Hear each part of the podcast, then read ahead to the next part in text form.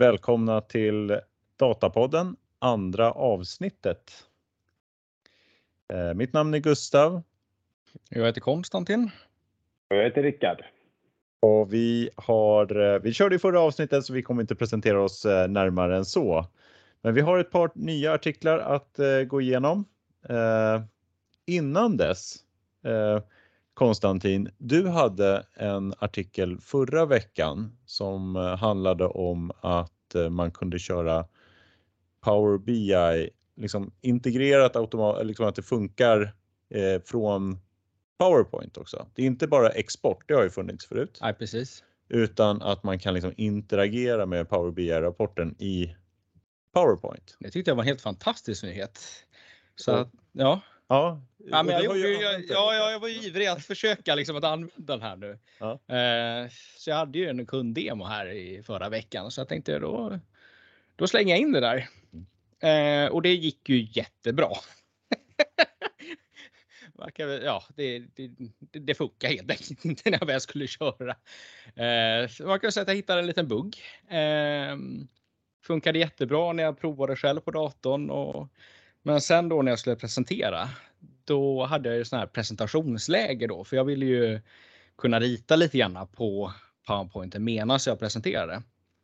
Men sen när jag kom till den där sliden då där Eh, jag hade en bäddat Power BI jag tänkte köra så snyggt och häftigt.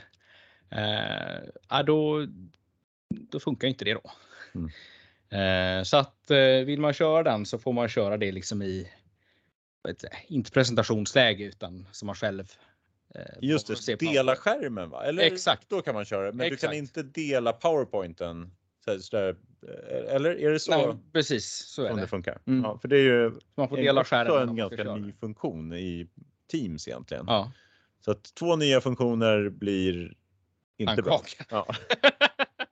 Nej, men den är väldigt häftig om man kör bara. Då får man dela skärmen helt ja, enkelt. Man får inte använda nya dela PowerPoint eh, i Teams. Alright, vi har tre artiklar att gå igenom i detta avsnitt också. Uh, har vi någon som vill börja? Ja, men ska jag börja då istället? Mm. Uh, jag tänkte jag skulle eh, knyta an till Power BI och ytterligare en grej och slå ett slag för uh, något som heter aggregations i, i Power BI. Där det kommit en artikel om Eh, Eh, det är så att det finns, det finns ju två lägen man kan köra eh, Power BI i. Eh, det ena är ju liksom att man importerar datat och det andra är ju att man mer kör i direct query-läge då. Det vill säga att man frågorna skjuts ner mot underliggande databas. Som man kan ju vilja göra ibland om man har mycket data till exempel som inte får plats och sådär. Men många av de här, det här kan ju bli ganska hård last då mot mot eh, underliggande databas och sådär. Eh, och då finns det något som heter aggregeringar och tidigare det har ju funnits eh, aggregeringar man kan ställa in själv då helt enkelt eh, och eh, helt enkelt definiera. Men det finns också något som heter automatiska aggregeringar där eh, Power BI då tittar egentligen på användardatan och utifrån det bygger egna aggregeringar i minnet helt enkelt som då avlastar underliggande databas, då, vanliga frågor vanliga, eh, vanliga ja, aggregat av data helt enkelt. Eh, och det här har ju då kommit i, så att säga, i general availability precis i, eh, för ett, någon vecka sedan. Eh, vilket är spännande och eh, det underlättar ganska mycket att slippa underhålla de här aggregaten och låta det vara helt enkelt och låta, det, låta användarna styra hur de här byggs. Så det är en snygg, snygg feature som har kommit.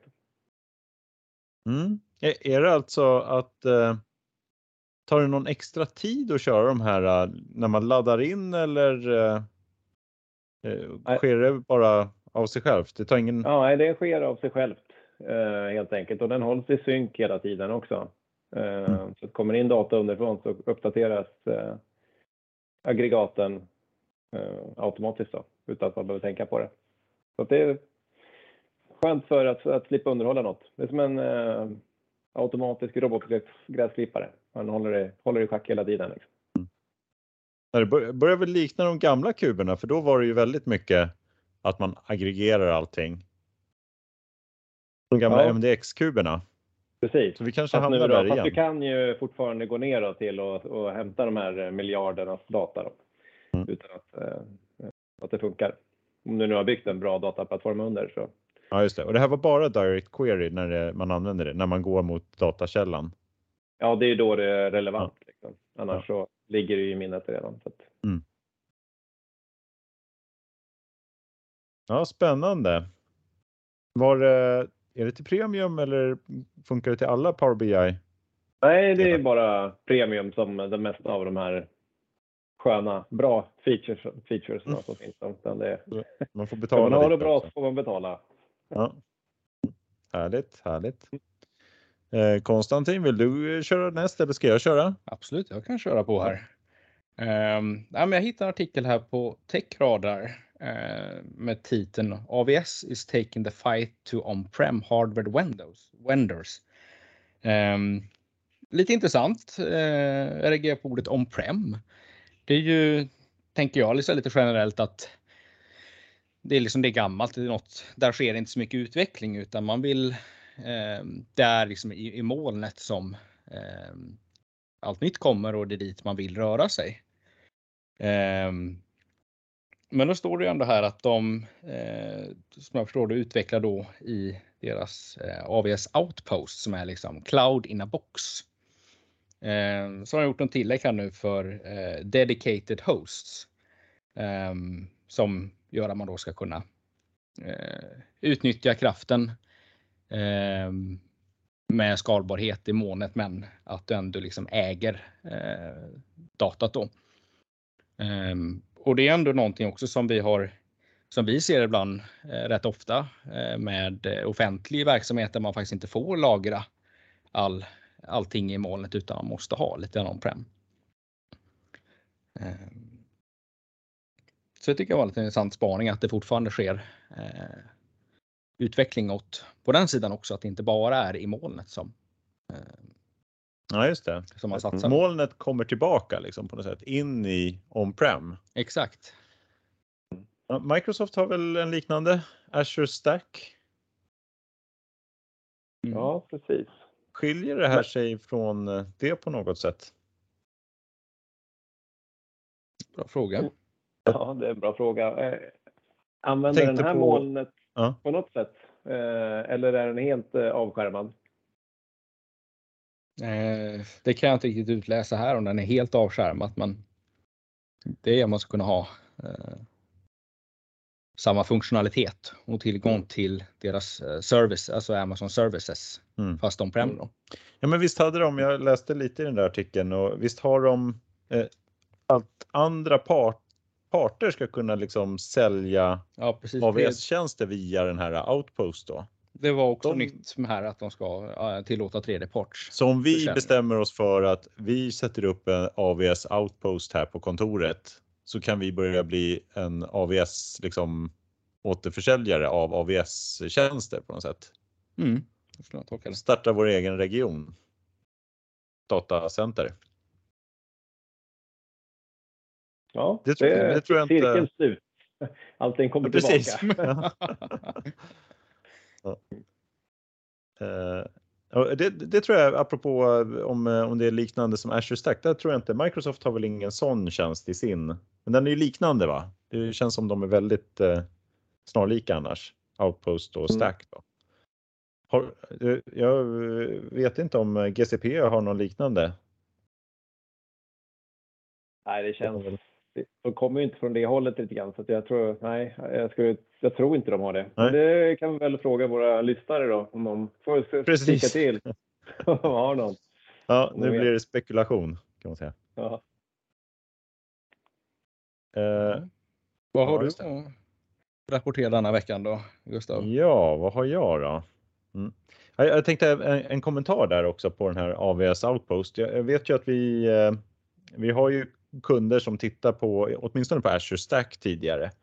Och det är ju fortfarande ett problem, just som du säger Rickard, att, eh, att det räcker liksom att eh, för om man ska ändå sälja de här tjänsterna så måste ju de uppdateras, själva tjänsterna, från eh, eh, ja, från någon annan part så att säga. Annars så blir det ju liksom ett dött moln på något sätt. Mm. Om de slutar utvecklas. Och så har man liksom bara uppgraderingar från en viss datum. Där vet jag att det är ett problem ändå fortfarande. Att, så, ja, men det räcker att, för, i alla fall för vissa då. Det är väl en fråga om hur man eh, tolkar regler och, och sådär. Men eh, att det, det finns ändå fortfarande det här eh, att ja, men så länge du har ett, en amerikansk firma eller något som kan gå in och liksom uppgradera saker så måste det finnas någon som kommer åt och komma in i systemet på något sätt. Ja, det är inte lätt. Nej, verkligen inte. Mm. Eh, vi tittar på, ja, på, då tar vi min eh, eh artikel då. Och det var att eh, eh, Azure eh, Azure Databricks släpper nu så att det finns tillgängligt i eh, Sverige datacentret. Så det är från news.microsoft.com. Eh, släpptes eh, 2 juni. Microsoft välkomnar Azure Databricks till den svenska datacenterregionen. Och då kan man läsa här att eh, eh, det här gör ju så att Azure Databricks, man kan köra den på i, bara i Sverige. Eh, för, eh, för företag då i Sverige kan köra bara sina datat, allting och, och eh, ja, kalibrering och eh, kalkylering sker i Sverige. All data stannar i Sverige Eh, och också så säger man att eh, Azure, Azure Databricks är en av de snabbast växande Azure-tjänsterna i världen. Så finns det också uppgifter. Bland annat så tar de upp Electrolux och Hennes och Mauritz i Sverige då använder de här tjänsterna det här är ju spännande. Vi, vi ser ju att, att Databricks är ju en ganska vanlig komponent i en, i en analys och dataplattform får man väl säga. Mm. Det är ganska ofta mm. att man eh, använder den antingen för olika typer av avancerad analys, eh, machine learning eller liknande, big data analys eller att det är någon slags eh, steg för att sköta någon slags Enterprise Data Warehouse eller data, Enterprise Data Lake eller något liknande. Mm. Eh, får man säga. Antingen bara med Databricks eller med Databricks i kombination med andra komponenter. Precis, den, den kopplar ju väldigt bra fint in med övriga Azure-tjänster tycker jag. Uh, och du kan ju köra den parallellt med, med en, liksom en, en Synaps till exempel. Uh, on demand eller, eller i kombination med. Uh, så det, den är intressant tycker jag också. Mm. Ett, ett, pussel, en pusselbit i, i hela dataplattformen helt klart. Ja, och de pratar här i artikeln också så nämner de den här Lakehouse då också. Eh, som den här kombinationen av Data Warehouse och Data Lake. Det är väl också en ganska, eh, det är ju inte bara Databricks som gör den här hybridvarianten utan det är ju egentligen alla går åt det hållet. Men de har ju lyckats väldigt bra med den eh, marknadsföringen. Får man väl säga med Lakehouse. Det, jag tycker det är bra namn som de, eh, som de eh, ställer sig bakom. Mm. Ja, verkligen. Och de har David Inmon med på det där också som eh, har skrivit bok om det också. En, en tanke här som jag funderar på, men vilka andra komponenter finns i Sverige då idag? För att bygga ett, en analysplattform.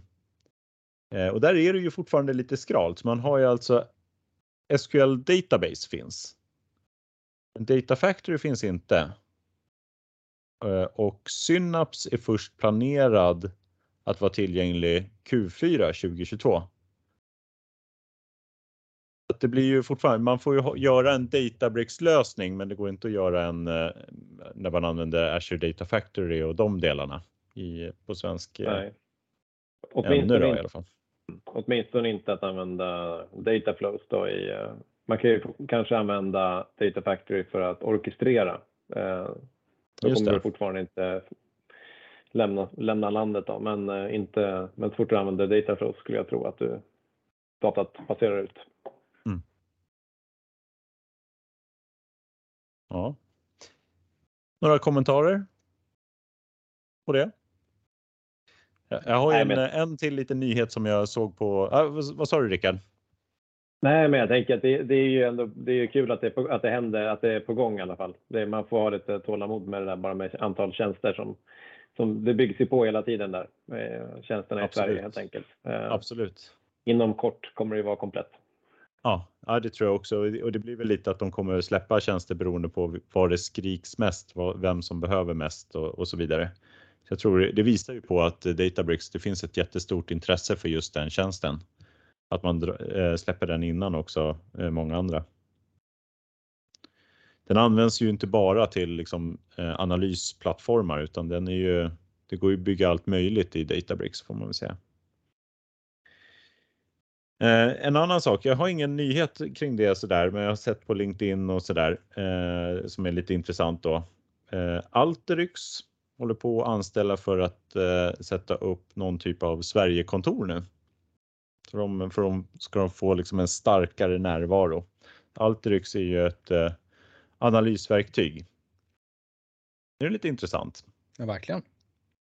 Får vi se om eh, det borde hjälpa så att vi får ännu bättre Eh, support kring eh, våra Alteryx-licenser och Alteryx-leveranser som finns ute i, i Sverige då, och i Norden. Då. Det är ett Norden-kontor tror jag som de ska mm. anlägga här. Ja, de har väl också gått fram starkt den senaste tiden. Alteryx. Ja, verkligen. Ja men toppen, det var de eh, nyheter och, och ett litet rykte då här också eh, som vi hade för det här avsnittet. Vi tackar för oss och så hörs vi nästa vecka kanske. Det är bra, hej då! Hej då! Vakna klockan fem, det är mörkt nu igen som om idag är en repris av igår Släppa mig ändå upp känns som bly i min kropp och så en insikt fylld av